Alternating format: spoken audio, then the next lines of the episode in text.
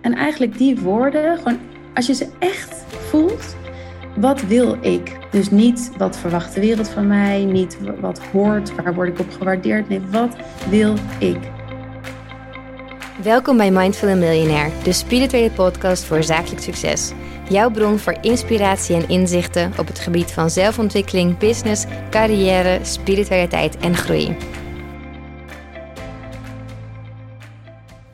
Vandaag ga ik in gesprek met Nanne van der Leer. Zij is sociaal ondernemer, schrijver en spreker met een ontzettend mooie missie: een meer liefdevolle wereld. En dat doet zij onder andere op haar platform Lief Leven, waar zij elke dag 300.000 mensen inspireert op Instagram. Het heeft ze gedaan met haar boek Lichter Leven. Waanzinnig mooi boek om te lezen. En ze is inmiddels ook alweer bezig met een nieuw boek. Welkom Nanne, ontzettend leuk om jou hier in de podcast te hebben.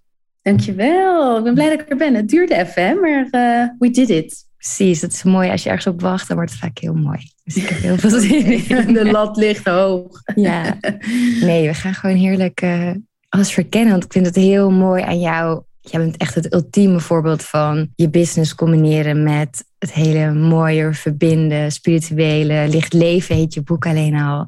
Kun je iets vertellen over hoe jij bent gekomen? Want ik weet ook dat je natuurlijk van een heel andere, uit een heel andere wereld komt. En nu sta je hier, echt te shine. Zelfs op beeld zie je eruit als het voorbeeld van licht leven. Ik vind het heel mooi. Oh.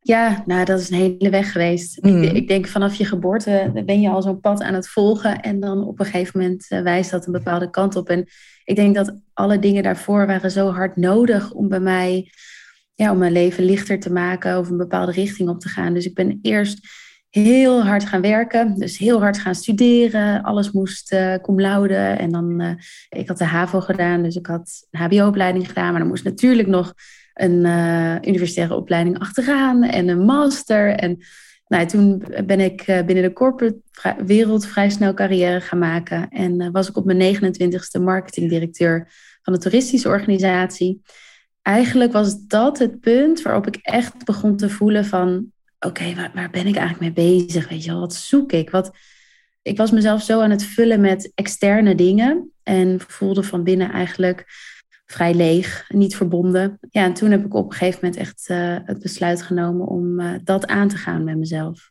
Ja, maar hoe kom je daarbij? Want het is zo moeilijk om... Ik ken dat zo goed, dat je maar weg blijft rennen... jezelf blijft vullen met mails en werk... en dan opeens is er een moment waarvan je toch denkt, hoe kwam dat bij jou, dat moment? Ik denk dat we bijna allemaal in ons leven wel zo'n moment gaan tegenkomen. Dus of het gaat zich uit in de vorm van ziekte of een overspannen of wat dan ook. En bij mij was het, ik was in mijn eentje op vakantie gegaan voor het eerst. En het regende daar zo hard dat ik niks kon doen. Het water stond letterlijk tot de knieën. Dus ik kon niet naar buiten. Uh, uh, er was geen wifi. Dus ik kon ook niet op mijn telefoon. En toen zat ik dus echt in mijn eentje in zo'n hutje met nul afleiding.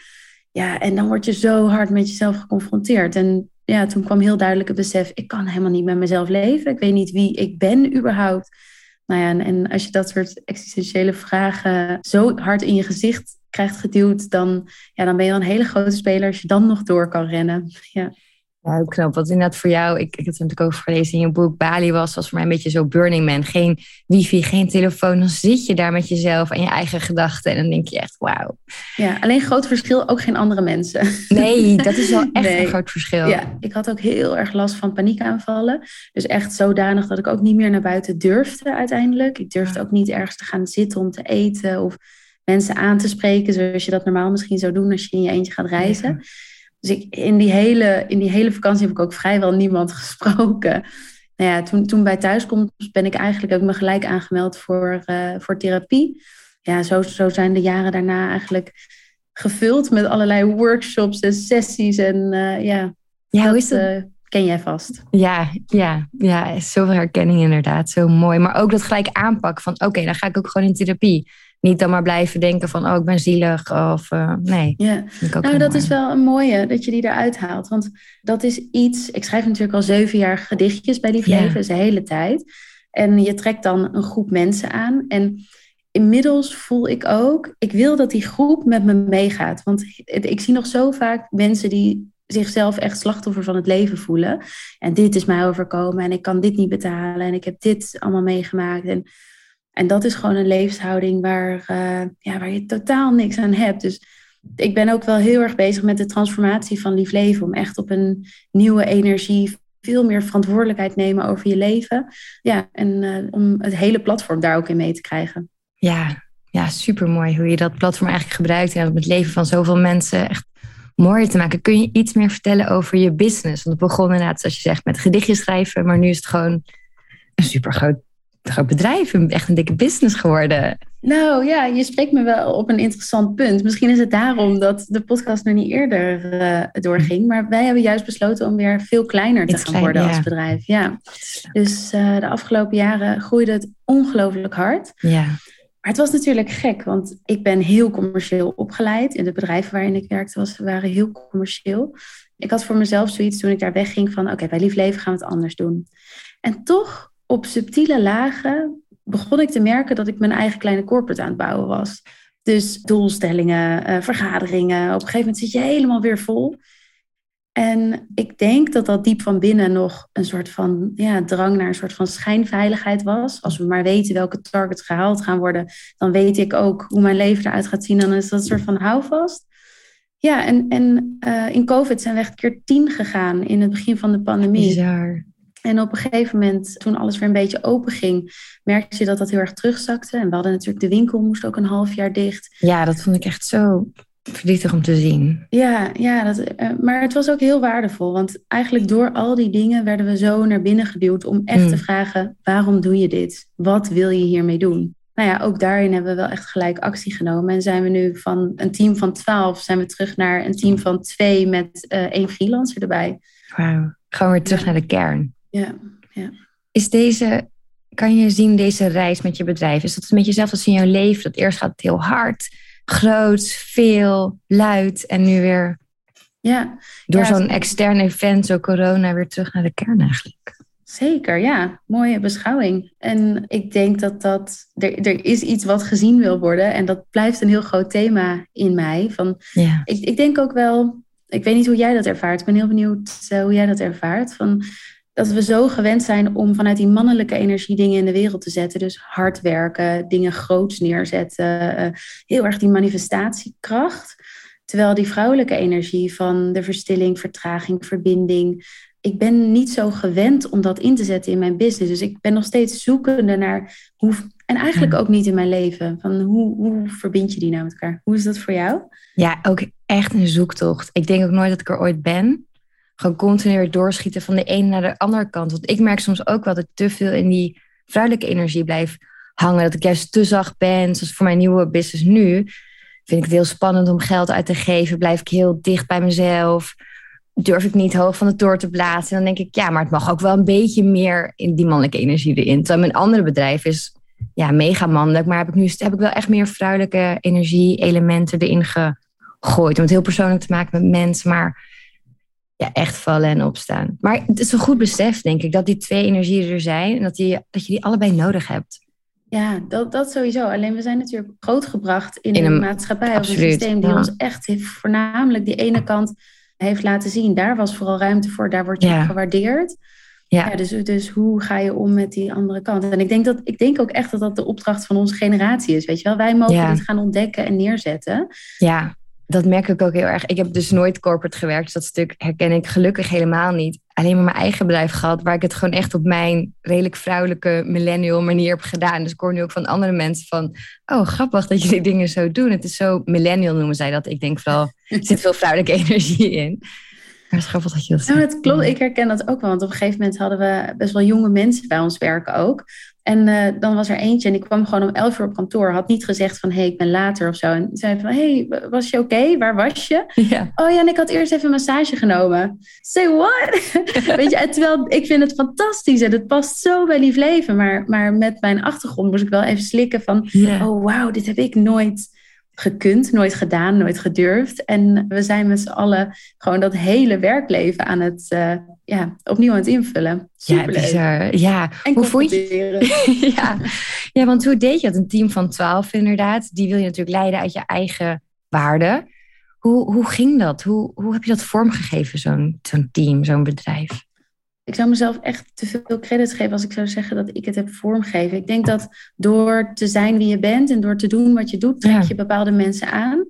En dat geluk hebben we eigenlijk ook uh, in de afgelopen jaren gehad, dat mensen zich aandienden. We hebben nooit een vacature uit hoeven zetten of zoiets. Ja, dus dat was al zo'n match. En die volgden al jaren lief leven en die, die hadden ook zo'n mindset. Dus ik ben wel heel erg eh, zoekende geweest ook in ja, hoe verbind je nou echt bedrijf leiden, managen met, nou ja, ik ben een creatief in de kern, weet je wel, en, en ook best wel chaotisch. Dus ja, die twee dingen vond en vind ik nog steeds wel lastig. Ja, waar ben je zo wel tegen aangelopen? Ja, dat je soms gewoon heel duidelijk moet zijn over dingen. En ik, ik denk hmm. een van de belangrijkste dingen is dat ik zelf voelde dat ik net zo hard of veel harder nog moest werken. Terwijl eigenlijk om echt in mijn creatieve flow te komen en te creëren, uh, zoals ik de afgelopen jaren gedaan heb, heb ik stilte nodig, heb ik rust nodig, heb ik afstand nodig. En als je dan tegelijkertijd een bedrijf aan het runnen bent en uh, de maandrapporten aan het opmaken bent, dan ja, kan dat wel eens verstorend zijn. En, en uh, daarin, ik heb wel eens van collega's teruggekregen dat omdat ik zo hard werk, dat ze voelen dat de lat voor hen dan ook zo hoog ligt. En dat dat best wel ja, vervelend is of een blokkade kan zijn. Dus de laatste jaar, het laatste jaar eigenlijk, dat ik voel van juist als ik rustiger ben en in mijn kracht sta, dan hebben die anderen veel meer aan mij. Ja, ja, mooi. Gewoon echt dat voorbeeld zijn. Dat vergeten we zo vaak in. Dat denk je, ja, ik moet hard werken, ik moet er zijn voor iedereen. Maar zij willen gewoon zien wie zij ook mogen zijn. Ja, exact. Ja, ja. ja, want hoe doe je dat als creatieveling? Ik merk dat zelf ook, maar ik hoor het ook van veel andere creatieve mensen van ja, maak jij echt tijd om te schrijven? Plan je dat in of komt er opeens een download? Hoe pak jij dat aan? Ja, een beetje van alles. Dus ik, mo ik moet wel echt dagen pakken. Maar meestal ga ik dan bijvoorbeeld... Ik ben nu een nieuw boek aan het schrijven. Ja, heel eh, gaaf. dan sluit ik me ook echt af. Dan ga ik een, een, week of een paar weken naar het buitenland in mijn eentje. En dan telefoon uit. En dan is het ook gewoon echt helemaal daarin onderdompelen. Maar soms sta ik ook uh, ja, boodschappen te doen. En dan heb ik ineens een, uh, een tekst of een gedicht in mijn hoofd zitten. En dan moet die eruit tijdens het autorijden heb ik dat ook vaak. Herken je dat? Dat is echt verschrikkelijk. Ja, dat is zo irritant. Maar wat doe je dan? Ik ga, ja, dan moet je wel stilstaan gaan staan. Op de fiets ga ik altijd gewoon stilstaan en inspreken naar mezelf. Ja, in de auto. Ja. En jij? Wanneer, wanneer is voor jou de meest creatieve flow? Ja, s'nachts vind ik ook heel irritant. Op maar een boekje naast mijn bed. Op de fiets inderdaad. Dan ga ik stilstaan en spreek ik allemaal teksten in naar mezelf. Oh, of die heb ik dan aan mijn moeder of zo. Zeg, hoef je niks mee te doen. en, um, maar ik plan ook wel echt tijd inderdaad. Ik dacht in het begin altijd, ja, als je een boek schrijft of iets, dan moet het komen. Maar je kan er ook gewoon tijd voor plannen en gaan zitten. En dan denk ik van, nou, of het komt vanzelf wel, of ik ga onderzoek doen en dan komt het wel. Maar gewoon wel die tijd ook vrijmaken. Want ik merk wel als ik wacht tot het komt. Ja, het komt nooit gelegen dat wat je zegt. Het komt in de auto of onder de douche. Of als je op werk zit. Maar echt wel die tijd ervoor vrijmaken. Ja, gewoon plannen in de agenda. Gewoon blokken van nu ga ik schrijven. Klinkt heel romantisch, maar... Nou ja, en, en uh, ik denk daarin ook wel is onderdeel daarvan dat je werk is, stel je voor je bent een creatief, jouw werk is ook om goed voor jezelf te zorgen of rust te nemen. Of, want anders kan die stroom gewoon niet niet zuiver stromen. En dat is ook bizar. Je voelt als je iets aan het schrijven bent of het zuiver is of niet. Je voelt of het een soort van download is of niet. En als ik echt in die helemaal verbonden ben, ja, dat is ook, dan ben ik ook compleet weg. Dan is uh, een hele dag een uur of een, of een half uur, zoiets. Ja, geweldig. Ja, kun je iets vertellen over je nieuw boek? Of is... Ja, ja nou, het heeft heel erg te maken met ja, alles wat er ook zakelijk speelt. Hm. En dat is eigenlijk en uh, dit is wel echt, uh, ik heb hier nog niet veel over gepraat, want het is uh, echt vers van de pers dat het bij mij allemaal zo geklikt is. En hmm. ik denk trouwens dat voor iedereen de afgelopen twee jaar heel transformerend zijn geweest. En ja. weet je, gewoon jezelf weer op een hele andere manier gezien, de wereld op een andere manier gezien. En wat ik ben gaan zien is dat eigenlijk mijn kopingsmechanisme, mijn overlevingsmechanisme vanuit mijn jeugd. Mijn ouders hadden heel veel ruzie, het was niet ja. heel veilig thuis. Als ik maar lief was, dan voelde ik me veilig, weet je wel. Want dan zou het in ieder geval niet aan mij liggen. Of dan zouden ruzies misschien wel stoppen. Dus als ik voor iedereen zou zorgen en altijd maar lief zou zijn, dan was het goed. Nou, daar heb ik uiteindelijk mijn werk van gemaakt. Het heet letterlijk lief leven. Ja, ik kan er niet omheen. Maar wat ik ben gaan zien is dus eigenlijk door continu op dat lieve te zitten... ja. ja. ben ik niet vol aan het leven en ben ik eigenlijk nog steeds aan het voortborduren op een overlevingsmechanisme vanuit mijn jeugd. Ja. En daarin voelde ik ook echt blokkades in uh, nou ja, hoe ik het bedrijf wil voortzetten. En nu ben ik dan tot inzicht gekomen van, oké, ik mag dat lieve echt gaan loslaten. En gewoon veel meer zeggen wat ik denk en niet bang zijn voor conflict, uh, zoals ik dat vroeger natuurlijk altijd was. Want dat is op een gegeven moment, als het zo'n grote groep is, we hebben nu alleen al op Insta dan 300.000 volgers, je gaat gewoon blokkeren, want er gaan altijd mensen zijn die het ergens niet mee eens zijn of, uh, of je stom vinden of wat dan ook. Nou, dus echt weer bij die eigen kracht uitkomen en losbreken van, ja, van dat mechanisme. Ja. Dus het wordt weer iets, uh, het wordt een hele transformatie, ook in het bedrijf. Ja, heel gaaf. Ook wat je zegt, inderdaad, ik snap ook bij jou dat lieve. Je ziet er natuurlijk ook heel lief uit. En dan heb je het altijd zo, was jouw ding. Maar dat dient je op een gegeven moment niet meer. Op een gegeven moment, nee. je hebt het hier gebracht. Ja. Maar nu mag weer een laagje af. Ja, precies. En ik denk dat ik heel. Voor mij was het natuurlijk ontzettend veilig. Want ja, wie heeft er wat tegen iemand die lief is, weet je wel? Ja, die is niet lief. Die nee. geeft. Nee. nee. Dus ehm, ja, het is echt uh, openbreken en mezelf daarin ook opnieuw leren kennen. En uh, ja, en dat zit hem vooral ook in hele kleine dingen. Gewoon uh, grenzen aangeven, nee zeggen. Dus de titel van het boek wordt Nee is oké. een boek over gezonde grenzen. En uh, het is eigenlijk de ontdekkingstocht in mijzelf om te gaan zien van... hé, hey, hoe kan ik veel meer in mijn waarde gaan staan? Hoe kan ik ergens nee tegen zeggen zonder dat ik bang ben voor afwijzing... of dat, wat de ander daar allemaal van vindt. Uh, Heel gaaf. Ja, en volgens mij is het voor heel veel vrouwen een Heel nodig. Dus, uh, ja. ja. Het wordt een bestseller, ja. Of zou in ieder geval moeten worden. Je heeft dit nodig. Ja, ja want het lijkt me ook bij, wat je, het hangt daar dan misschien ook mee samen, dat wat je zegt, het bedrijf zoveel afgeslankt, is een hele moede, ja, moedige keuze. Want je moet afscheid nemen van mensen. Mensen verwachten dat je gaat groeien. Hoe, hoe is dat interne proces bij jou gegaan? Ja, ja we, we, hebben ook bijna het bedrijf verkocht. We speelden alles door elkaar. Er zijn echt, uh, het was echt, echt zo'n giga-achtbaan. ja, nee, het was echt ups en downs wisselden ja. af. Want we moesten de winkel dicht hebben. Dus we, verloren ook veel geld aan die kant. En aan de andere kant uh, kwam er weer veel geld bij. En zoveel veranderingen. En, maar bij, bij, bij, mij privé gebeurde er ook nog veel. Mijn vader raakte verlamd. Met mijn broertje ging het niet goed. En nou, zo gebeurde er gewoon ongelooflijk veel. Zo heftig. Ja, maar ja, dat dwingt je dus wel om echt heel goed te kijken naar wat je wil. En eigenlijk die woorden, gewoon als je ze echt voelt, wat wil ik? Dus niet wat verwacht de wereld van mij, niet wat hoort, waar word ik op gewaardeerd. Nee, wat wil ik? Nou ja, en uh, dat, met mijn businesspartner Julie hebben we heel veel van dat soort gesprekken gevoerd. En eigenlijk voelden we allebei van, wij willen niet tussen aanhalingsteken rotzooi uit China halen en dat hier voor vijf keer de prijs verkopen. Weet je, we staan daar niet achter. We willen dat niet meer. Alles wat we doen moet kloppen. En wat je ook, wat we merkten, was de dingen die we echt zuiver deden. Dus waar heel veel liefde en aandacht eh, en sociale werkplaatsen, mensen met een arbeidsbeperking aan meededen. En dat echt fantastisch was. Ja, daar, daar zijn de meeste mensen gewoon niet toe bereid of niet, of ze, ze kunnen het niet betalen. Dus eerlijke prijzen. Ja, dus het was een hele reis. En eigenlijk hebben we gezegd van de wereld heeft al genoeg. En wij willen niet nog meer spullen de wereld inbrengen. Dus daar, daar gaan we mee stoppen tot we echt een kernassortiment over hebben. Ja. We hadden 500 soorten producten. bizar ook. Waar laat je het ook allemaal inderdaad? Ja, geweldig. Maar... Ja, ja, ja.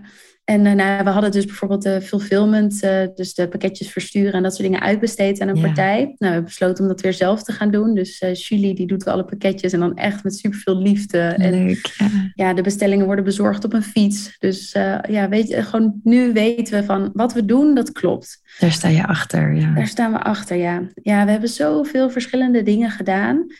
Maar eigenlijk bij mij was gewoon het antwoord, ik wil creëren. Ik wil schrijven. Dat is gewoon ja, waarom ik hier ben denk ik. ik heb geen gebruiksaanwijzing meegekregen, maar ik denk het wel. Helaas, ja. Ja, zo zijn we onze nieuwe weg aan het vinden. Ja, mooi. Want ik kan me voorstellen, mensen, wat je zegt, wat, wat er van je verwacht wordt, dat is natuurlijk al een groot bedrijf bouwen, zoveel mensen, zoveel spullen verkocht, zoveel omzet. Wat betekent succes voor jou nu met al deze nieuwe inzichten? Ja, mooi. Oh, de definitie van succes. Ja, die is fantastisch, hè? En rijkdom. Wat is rijkdom? Ja, wat is rijkdom? Ja, ja wat is rijkdom? Uh, uh, tijd. Beetje tijd om, om stil te zijn, om te kunnen schrijven. Tijd om met familie en vrienden leuke dingen te kunnen doen. En eigenlijk steeds, we, we zijn gewoon echt aangeleerd dat het status en geld is. Weet je, als ik zei van ik ben marketingdirecteur en uh, ik verdien uh, nou, heel veel geld en een dikke auto. En ja, dan, dan uh, oh wauw. En dan staat er een klein blond kind voor je van 1,58 meter, weet je wel. Nou ja, dat was natuurlijk leuk. En als mensen nu vragen van wat doe je? Ja, lief leven, ja, van een hobby een bedrijf gemaakt. Dan, dan zie je het al, nou ja, veel mensen vinden het ook wel leuk, maar het is natuurlijk een heel andere boodschap. Terwijl voor mijzelf is dit nu veel succesvoller dan ik ooit was. Ja. Weet je wel, gewoon alleen al gewoon terug naar mijn kern bewegen en, en echt voelen wat ik wil en uh, vanuit mijn hart creëren en aandoen wat ik wil. En ja, dus uh, als we het hebben over succes, ja, moeilijk hè. Eigenlijk moeten we gewoon een, want wat zou er in de dikke vandalen staan? Oh, dat heb ik dus nog nooit opgezocht. Vind ik een hele goeie. Want wat, wat zou jij zien als de definitie van succes? Ik vind het ook heel erg teruggaan naar jezelf. Wat je echt zelf wil. Dus los van inderdaad dat de maatschappij van je verwacht. Wat jij denkt dat iedereen van jou verwacht. Vaak verwachten mensen dat helemaal niet. Zijn helemaal niet met jou bezig. Maar dat denk je zelf vooral. Ja. maar voor mij zit er toch altijd ook nog wel een component in. Ja, ik ben ook heel erg pitta. Dus ik hou echt wel van applaus. En ik hou ook nog wel een beetje van het mannelijke idee van succes. Ik vind het wel leuk. Mensen denken mij ook altijd van, oh, doe je dat helemaal zelf? En dan zeg ik, nee, met 60 medewerkers. Dat vind ik dan toch wel stiekem een beetje leuk. Ja, maar dat is dus- misschien ook omdat dat nog doorbroken moet worden. Ja. Weet je wel, dat, dat vrouwen dat dus ook kunnen. Dat wij, ja. Ik kan, kan me die heel goed voorstellen. Ja, ik, ik hou dus niet van die hokjes. En het wordt altijd zo van als vrouw, dan ben je, ja, wordt zo snel in een hokje geplaatst. Als je als vrouw ondernemer bent, oh, dan ben je vast zo'n lieve ZZP'er of zo. Wat helemaal ook geweldig tof is. Maar nee, er zijn ook andere vrouwelijke ondernemers. En dat vrouwen dan zeggen, dat vind ik al, dat haat ik. Ik heb dat zelf ook heel lang gedaan. Want dat wij dan, terwijl we een heel groot bedrijf hebben, of, of het gaat gewoon hartstikke goed. En dat dan zeggen, mijn bedrijfje. Oh ja, ik verbeter dat of, iedereen. Of als mannen dat zeggen, is nog steeds, dat is nog veel erger. Ja. ja. ja. Toen ben ik laatst uh, ook heel erg om uitgevallen. Inderdaad, dat iemand dat zei op een borrel. En die kwam ik laatst weer tegen en zei... Oh ja, ik noemde jou een bedrijf bedrijfje. Toen was je niet zo blij. Ik zei nee. Ja. Hoezo zeggen we het alleen bij vrouwen? Ja, ja dat, eh, daar zullen ze wel op terugkomen over een paar jaar. Ik heb de definitie van succes in de dikke van oh, gevonden. Goede afloop. Uitkomst van uitslag. Het is iets wat goed afloopt. Nou, eigenlijk kun je daar best wel mee werken. ja. ja, want wat loopt goed af? Dat is eigenlijk... Ja, wat is goed? Iets wat, waar jij alleen maar de definitie van geeft, niet uh, iemand anders. Ja. ja, dus die is ja, mooi. mooi. Het is jammer dat we met z'n allen zo naar die monetaire kant van succes zijn uh, gaan kijken. De status. De... Maar goed. Maar mooi wat je zegt inderdaad. Misschien in deze wereld, omdat wij nog hard moeten vechten en mensen toch altijd onderschatten, er daar nog die drang is om dat ook te laten zien. Maar hopelijk in, voor onze kinderen of, of kleinkinderen dat, dat er niet meer nodig is. Dat succes gewoon echt heel iets anders is. En volgens mij kijkt die, de jongste generatie, die kijkt daar al anders naar. Ja, hè? Dus die, uh, dat verandert echt. Die, die zien vooral een soort van uh, van 9 tot 5 achter je laptop zitten als een soort vorm van moderne slavernij. Weet je wel? Ja. was dat nou succes? Waarom was dat, dat rijkdom? En je bent helemaal gek geworden. Ja, het is heel, heel uh, leuk om dat te zien. Nou, dit over succes. Hoe, hoe zie jij spiritualiteit? Want je had het over de stilte opzoeken, verbinding. Wat is, wat is spiritualiteit voor jou? Ja, ik, ik, ik vind eigenlijk, het is zo groot dat, weet je, als je erover gaat praten, dan je doet er eigenlijk altijd afbreuk aan. Van de hoogste vorm van spiritualiteit, dan moeten we gewoon onze mond houden en lekker, lekker een beetje in onszelf keren. Ja. Ehm, ik, vind, ik vind dat ook heel erg aan de spiritualiteit van, het moet niet vercommercialiseerd worden. Spiritualiteit kan alles zijn. Het kan um, ja, het gechirp van een vogel zijn. Het kan een bepaald inzicht of een plantmedicijn zijn. Maar het kan ook een lekkere maaltijd zijn. Weet je wel? En, en de verbondenheid met het al of het, het hogere. Ik heb ook altijd moeite met hoger en lager. Weet je, mijn hoger bewustzijn en wij zijn wakker en zij niet. Weet je, ik, daar, ik, daar geloof ik allemaal niet zo in. En uh, ja, spiritualiteit is voor mij, je wil een vastomlijnde definitie, dat gaat uit. Nee hoor, nee. Uh, ik vind het heel mooi juist wat je zegt. Inderdaad, ook niet die tweedeling. Nee. Tussen hoger en lager. Nee, ook nee en dat vinden we allemaal heel lekker. Want uh, ja, dat zijn we gewend om dingen in hokjes te plaatsen. Maar als je het hebt over echte spiritualiteit, dan, dan zijn daar toch geen lijnen. En, en trouwens, wie ben ik om te zeggen wat spiritualiteit is? Maar ja, laten we zeggen dat het het leven en alles daarbij is. En, alles, en vooral ook alles daarvoorbij. Ja, ja. ja alles daarvoorbij? Ook. Ja, ja ik, ik geloof wel echt nou ja, in energie in ieder geval. En ja. Uh, ik, ja, dat er zo ongelooflijk veel meer is dan dit kleine mooie mensenleven. En dat, vind, dat is wel voor mij, toen ik een beetje begon in die spirituele wereld en uh, echt op ontdekkingsreis ging, kon ik mezelf ook wel verliezen in, uh, nou ja, als je het hebt over het chakra-systeem, dat je heel erg naar dat bovenste gaat. En alleen nog maar vanuit het hoger bewustzijn. En, maar ik vind het ook heerlijk dat ik een een fysieke, menselijke manifestatie ben. Dus ook echt dat aardse leven, verbonden met al die andere lagen. Ja, ja dat is een feest. Ja. ja, wat je soms ziet is dat mensen zo ontzettend naar boven gaan zonder daar een oordeel over te hebben. Maar ik voel altijd heel duidelijk ook mijn, mijn missie nu is hier. Weet je, ik ben hier niet voor niets. Ja, daar is lief leven denk ik ook wel een goed voorbeeld van. Want het is natuurlijk heel spiritueel, heel, nou ja, hogere energie eigenlijk. Wat je allemaal ons vertelt en meegeeft. Maar je geeft het zo simpel weer dat, dat iedereen het kan begrijpen. Of je nou spiritueel bent of niet. Of je, of je daar al ervaring mee hebt of niet. Ik, ik geloof ook altijd als je heel veel woorden nodig hebt om uit te, uit te leggen wat iets is, dan ben je dus heel ver van de kern af nog. En kijk, sowieso zijn woorden een beperking. Want woorden, met woorden spiritualiteit vangen is, ja, kan gewoon niet. En, maar we doen hele leuke benaderingen met z'n allen. Ja, voor mij is, is taal altijd een, een feest. Daarom natuurlijk ook lief leven. Ja, voor mij is de uitdaging altijd om, om de inzichten die ik krijg, om die zo simpel te maken dat die bij wijze bij iedereen binnen kan komen. Ja, ja dat is echt een kunst. Ja, ja. het is echt heel mooi. Ik dacht, ik zat er nog te denken toen ik jouw jou dus eerste boek nu, uh, nu las. Zou je ook ooit een roman willen schrijven? Oh, mijn grootste droom. Ja, echt. Ja, en ik, ik denk dat dit het pad is waar we het eerder over hadden. Dus echt meer vanuit die rust, vanuit de verstilling, vanuit de vrouwelijke energie. Als ik daar kom, dan ga ik dat absoluut schrijven. Ja, dan, dan laat ik uh, non-fictie ook helemaal los. Ja, ik ga het lezen. Yes. Schrijft zo mooi, zo mooie zinnen. Wat zou jij nog willen schrijven? Wat is jouw... Uh... Ik ben nu ook bezig met een nieuw boek ook nog niks over gedeeld. Tipje van de sluier. het gaat eigenlijk, ik ben zelf heel erg nu in een proces met gewoontes doorbreken. Kijk, nou ja, wie ben ik nou en hoe zet ik die persoon ook neer? Dus ik mhm. wil daar eigenlijk een soort, ik heb nog geen titel, maar een soort gids voor je meest geweldige zelf. Maar wat jij echt je meest geweldige zelf vindt. En los van al die laagjes. Dus ja, ik geloof aan de ene kant wel helemaal in, je bent goed zoals je bent. Je bent helemaal heel en perfect. Maar ook ja, soms mogen we ook wel gewoon in het weg uit die slachtofferrol. Gewoon even naar onszelf kijken. Waarom ben ik mezelf continu aan het saboteren? En wat kan ik daaraan doen? Mooi, mooi. En wat is, wat is een inzicht die je, die je hebt gekregen die jou heel erg helpt daarin? Ja, heel veel. Die ben ik nu dus inderdaad een beetje aan het opschrijven. Want het is heel lastig, je doet die inzichten wel op. Maar het is niet dat die ergens op de computer staan. En zodra je ze hebt, zijn ze alweer normaal, heb ik het gevoel. Hmm. Maar bij mij, ik heb vanaf mijn 18 had ik eh, een eetstoornis. En daar heb ik nooit durfde vertellen of hulp over durfde te vragen. Want ik vond het zo gênant.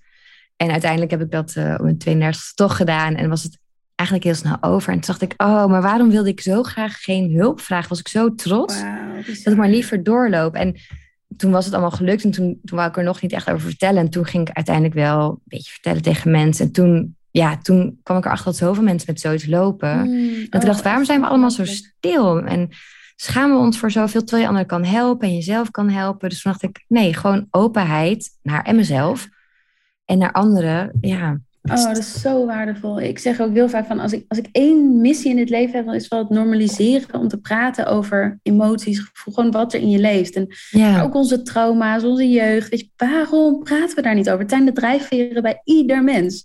Ja. Dus super dapper dat je dat doet. En ik denk helend voor heel veel mensen. Ja, ja ja, mooi. Daarom ging misschien ook wel aan dat jij gewoon zei: Ja, ik heb gewoon therapie gedaan en ik ben er gewoon ingegaan. Dacht ik, ja, zo moeten we allemaal over onszelf denken. Dat mag gewoon. Ik weet niet of, ik weet niet of jij dat ook herkennen, maar ik had ook heel erg die schakel van: Oké, ik ga naar therapie. Ik moest dat mezelf ook een soort toestemming geven dat, dat, dat ik dat mag. Dat het ook voor zo iemand als ik heb. Dat het wel erg genoeg is tussen aanhalingstekens of zoiets. Mm, dat is ook iets geks. Maar ja, dus jezelf het waard. daar zitten geen lagen in. Dus er zit geen, uh, geen erger of minder erg. Nee. De een die heeft misschien, uh, ik heb een vriendin en die heeft EMDR, dus traumabehandelingen, omdat ze bang voor spinnen is. Ja, voor haar is dat echt een super groot ding in haar leven. Ja. ja en ik heb voor een heel ander soort dingen uh, traumabehandelingen gehad, maar dat, dat is niet meer of minder. Nee. Dus dat, uh, ma ja, maak het vooral niet kleiner dan het is, maak het ook niet dramatisch groter dan het is. Nee. mag er allemaal zijn. Ja, mooi. En ook wat je zegt, en we hebben allemaal trauma's, allemaal dingen, en die neem je mee. En ik weet niet hoe jij, daar, hoe jij dat in jouw team doet, maar die neem je ook mee naar de werkvloer. Ja. Hoe, hoe, hoe, hoe ga jij daarmee om? Ja, wij praten daar dus over. Veel Mooi. ook. Ja, ja. ja. dus ik, ik weet eigenlijk van iedereen die bij ons gewerkt heeft, uh, ja, alle, alle grootste trauma's en dingen. En ja, die integreren we ook in het werk. Van uh, ja, als, als, als dit iets is waar jij angsten over hebt, oké, okay, hoe kunnen we dat aan gaan kijken en hoe kunnen we dat een plek geven? Of wij begonnen ook iedere week met een weekcijfer van hoe is het met je, maar dat gaat dan niet over, oh, ik heb zoveel opdrachten en dit en dit en dit. Nee, gewoon echt, hoe is het met je? Hoe was je weekend? Ja. En nou, daar kwamen ook wel eens drietjes of tweetjes in voor.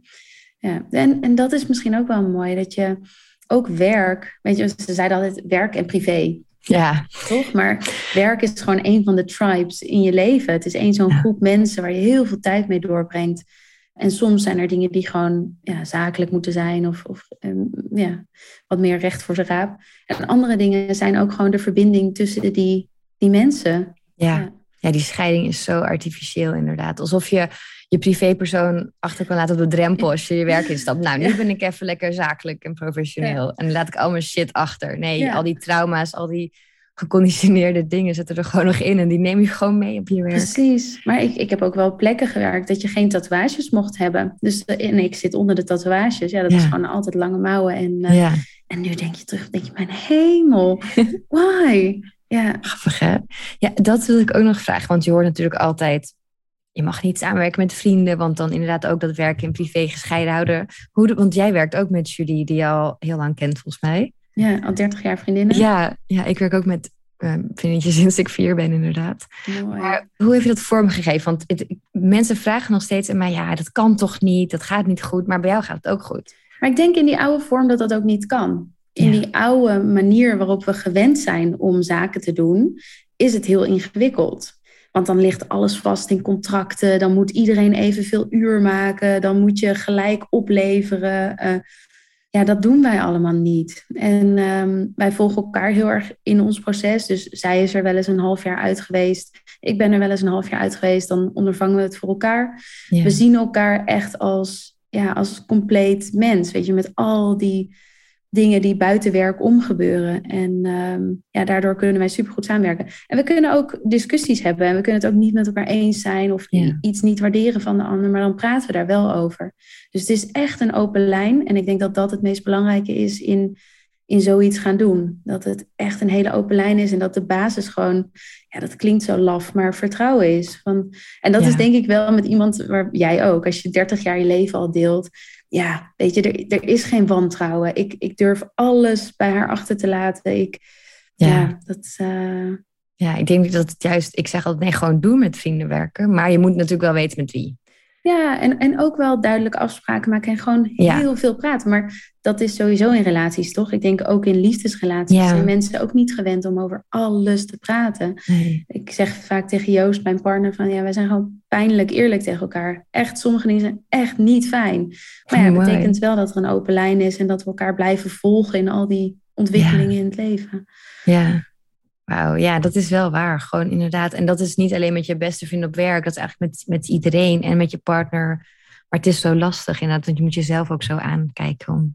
Ja, ja, ja want, ja, want tegelijk- dat, ja, wauw, mooi. Die is zo, ook zo belangrijk. Van, kijk eerst even naar jezelf. Mhm. en al die dingen die jou raken en triggeren en wat met je doen. Ik- Kijk eerst heel even naar binnen. Dan mag je ook naar die ander kijken. En Ja. eh, dan kom je er samen echt wel uit. Ja. Ja, mooi. Alright, nog als laatste onderdeel. Spiritualiteit in business. Nou, we gaan supergoed samen. Jij bent het voorbeeld. Maar hoe zet je het zelf in?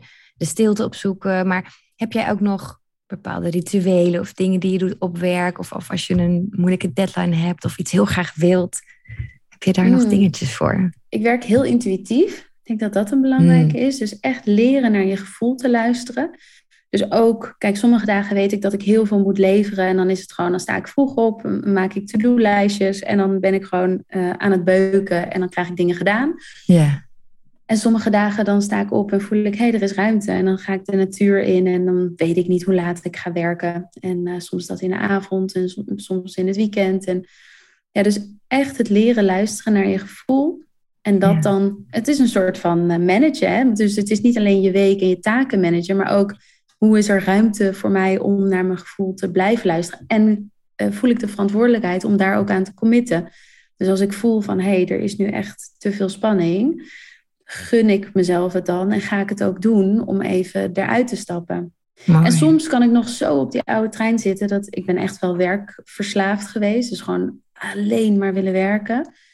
En soms kan ik dat nog heel lekker vinden. Dat is echt een soort drugs. Gewoon helemaal controle voelen over al die cijfers en projecten. En, en nou ja, maar dat is wel steeds minder. Minder dat het als druk voelt. Want inderdaad, soms is het ook gewoon fijn, maar die verslaving vermindert. ja. ja. Ja, en ook wat je zegt, nou, wel die combinatie tussen mannelijke energie, soms gewoon even beuken en uh, to-do-lijst afvinken en soms meer die vrouwelijke kant. Ook weer die balans eigenlijk. Ja. ja, en daarin wel echt opnieuw de regels schrijven ook. Hè? Van niet doen wat jou verteld is. Van, nou, om negen uur begin je en om vijf uur ben je klaar. Of, uh, en ik snap dat het binnen grote organisaties is dat soms gewoon nog nodig. Maar helemaal als je voor jezelf werkt of bij een start-up of uh, ja. dan, ja, kom op. Daar zijn we echt voorbij. Ja, mooi. Ja, wij hebben ook inderdaad gewoon vrije werktijden. Wanneer, wanneer werk jij meestal? Wat, wat... Ja, ik vond het heel lastig in het begin. Weet je nog wel, toen had ik wel werken waar en wanneer je wilt geïntroduceerd voor, voor mijn juristen. Want die hebben allemaal hun eigen zaak. Dus die hadden onbeperkt vakantiedagen. Als... Maar ik vond dat heel moeilijk om zelf ook te doen. Maar ik dacht, ja, ik moet ook wel het voorbeeld zijn. Anders gaat niemand het doen. Maar nu heb ik eigenlijk mijn schema verlegd. Mijn vriend is trader met Brazilië. Dus die komt pas om 11 uur s avonds thuis. Dus we gaan nu om 1 uur slapen en om 9 uur opstaan. En dan begin ik half elf met werk ongeveer. Oh maar dan werk ik vaak ook weer s'avonds door. Dus ik heb nu mijn schema eigenlijk een beetje omgegooid. Dat ik ochtends gewoon nog wel tijd met hem heb. En, uh... Maar dat vond ik in het begin heel gek. Dan zeg ik ook, nee, ik begin pas om half elf. Weet je? Maar, dat is, maar het is dus wel echt een vast ritme wat je hebt. Probeer ik. Maar ik heb altijd zoveel afspraken en dingen dat ik meer een beetje zo... Um, nou, soms ga ik ook wel s ochtends dat ik denk, dan begin ik dan om half elf, maar dan begin ik met een massage of met oh, ja. naar schoonheidsspecialist te gaan. Dus ik begin niet per se met werk. Dan begint gewoon je dag. Ja. ja. Ja, oh mooi. nee, ik probeer een beetje los te laten inderdaad. Uh, maar ik vond dat best lastig, dat loslaten van echte werktijd. Het zit er zo in en ik schaam me ook een beetje. Kom ik als baas heel laat op kantoor. Maar dat, ja, dat is gewoon alles wat ons aangeleerd is, mogen we opnieuw gaan programmeren. Van oké, wat werkt voor mij en misschien ook voor anderen daarmee. Ja. Maar het is wel ingewikkeld, want die oude dingen zijn natuurlijk ook een hele fijne, veilige houvast. Want als je dat gewoon doet zonder erbij na te denken, dan weet je dat je gewaardeerd wordt, dat niemand raar opkijkt. Ja. ja ga dat maar eens anders doen. Ja, precies. En waarschijnlijk kijkt de, kijkt de rest niet eens raar op, maar zit het vooral in jezelf en in die innerlijke criticus die uh, op je schouder meekijkt. Ja, echt hè? Ja, hoe ga jij met die innerlijke criticus om? Want volgens mij heb jij, eh, had jij er best wel eentje. Ja, zeker. Nog steeds. ik heb een hele... Ik weet niet of streng het juiste woord is, maar mijn vader had veel verwachtingen uh, van mm. ons. En nog steeds. En dat, die stem is echt geïnternaliseerd. Dus uh, ja, altijd hele hoge verwachtingen. En eigenlijk gun ik mezelf wel weinig tijd om te slekken, zal maar zeggen. Yeah. dus echt, ja, bijvoorbeeld bank hangen, dat, dat doe ik vrijwel nooit zou ik echt meer mogen gaan doen. Dus dat is nog een, uh, een mooie uitnodiging op opdracht. Nee, er zit wel veel meer balans in. En dat, ik ben me bewust van die stem. En uh, dus ik kan het heel goed aankijken. Ik kan het ook goed naast me neerleggen. Ik word er niet meer in meegezogen. Blokkeert me niet. Nee, dus het, ik zou zeggen dat het nu een, een gezonde innerlijke criticus is. Dat was het vroeger niet. Nee, toen was je te streng. Ja, zeker. Ja, ik was echt heel, heel streng voor mezelf. Ja. ja. En jij? Ja, hetzelfde. Eerst heel streng. Terwijl ik, grappig, mijn moeder is heel lief en die zei altijd nee, niet zo hard studeren, niet zoveel leren, weet je wel. Die was juist, maar het zat als kind al in. Dat vind ik grappig omdat jij, te dat jij het echt wel van je vader hebt meegekregen. En ik totaal niet en toch dezelfde uitkomst. Mm, maar, en ja, nu probeer ik daar wel meer iets op te letten. Dat ik, ik zet er een beetje een inner cheerleader naast die mij wel gewoon geweldig Oh vindt, ook al zit ik op de bank. Ja, ja. ja, stop. Maar het, het, zit, het, zit natuurlijk niet alleen in ouders, maar ook in alleen al hoe we ons schoolsysteem benoemen. Je bent lager of hoger opgeleid. Ja. Bullshit. En echt op je Um, vier krijg je al cijfers en dat soort dingen.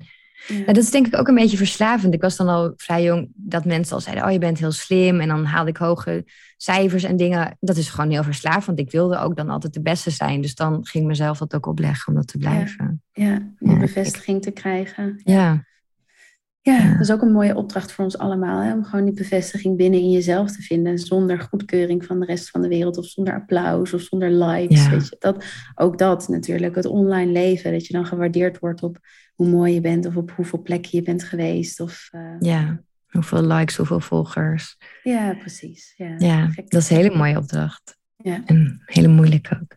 Ja. ja, ik ben ooit eh, twee jaar, eh, heb ik echt al mijn volgers verwijderd, account verwijderd. En moet zeggen dat ik het in die tijd echt geen seconde heb gemist. Eh, Nee. nee. Toen ben ik uiteindelijk teruggekomen, ook omdat ik zelfstandig ging ondernemen. Dus het was, eh, ja, je moet dan toch ook een beetje delen wat je doet.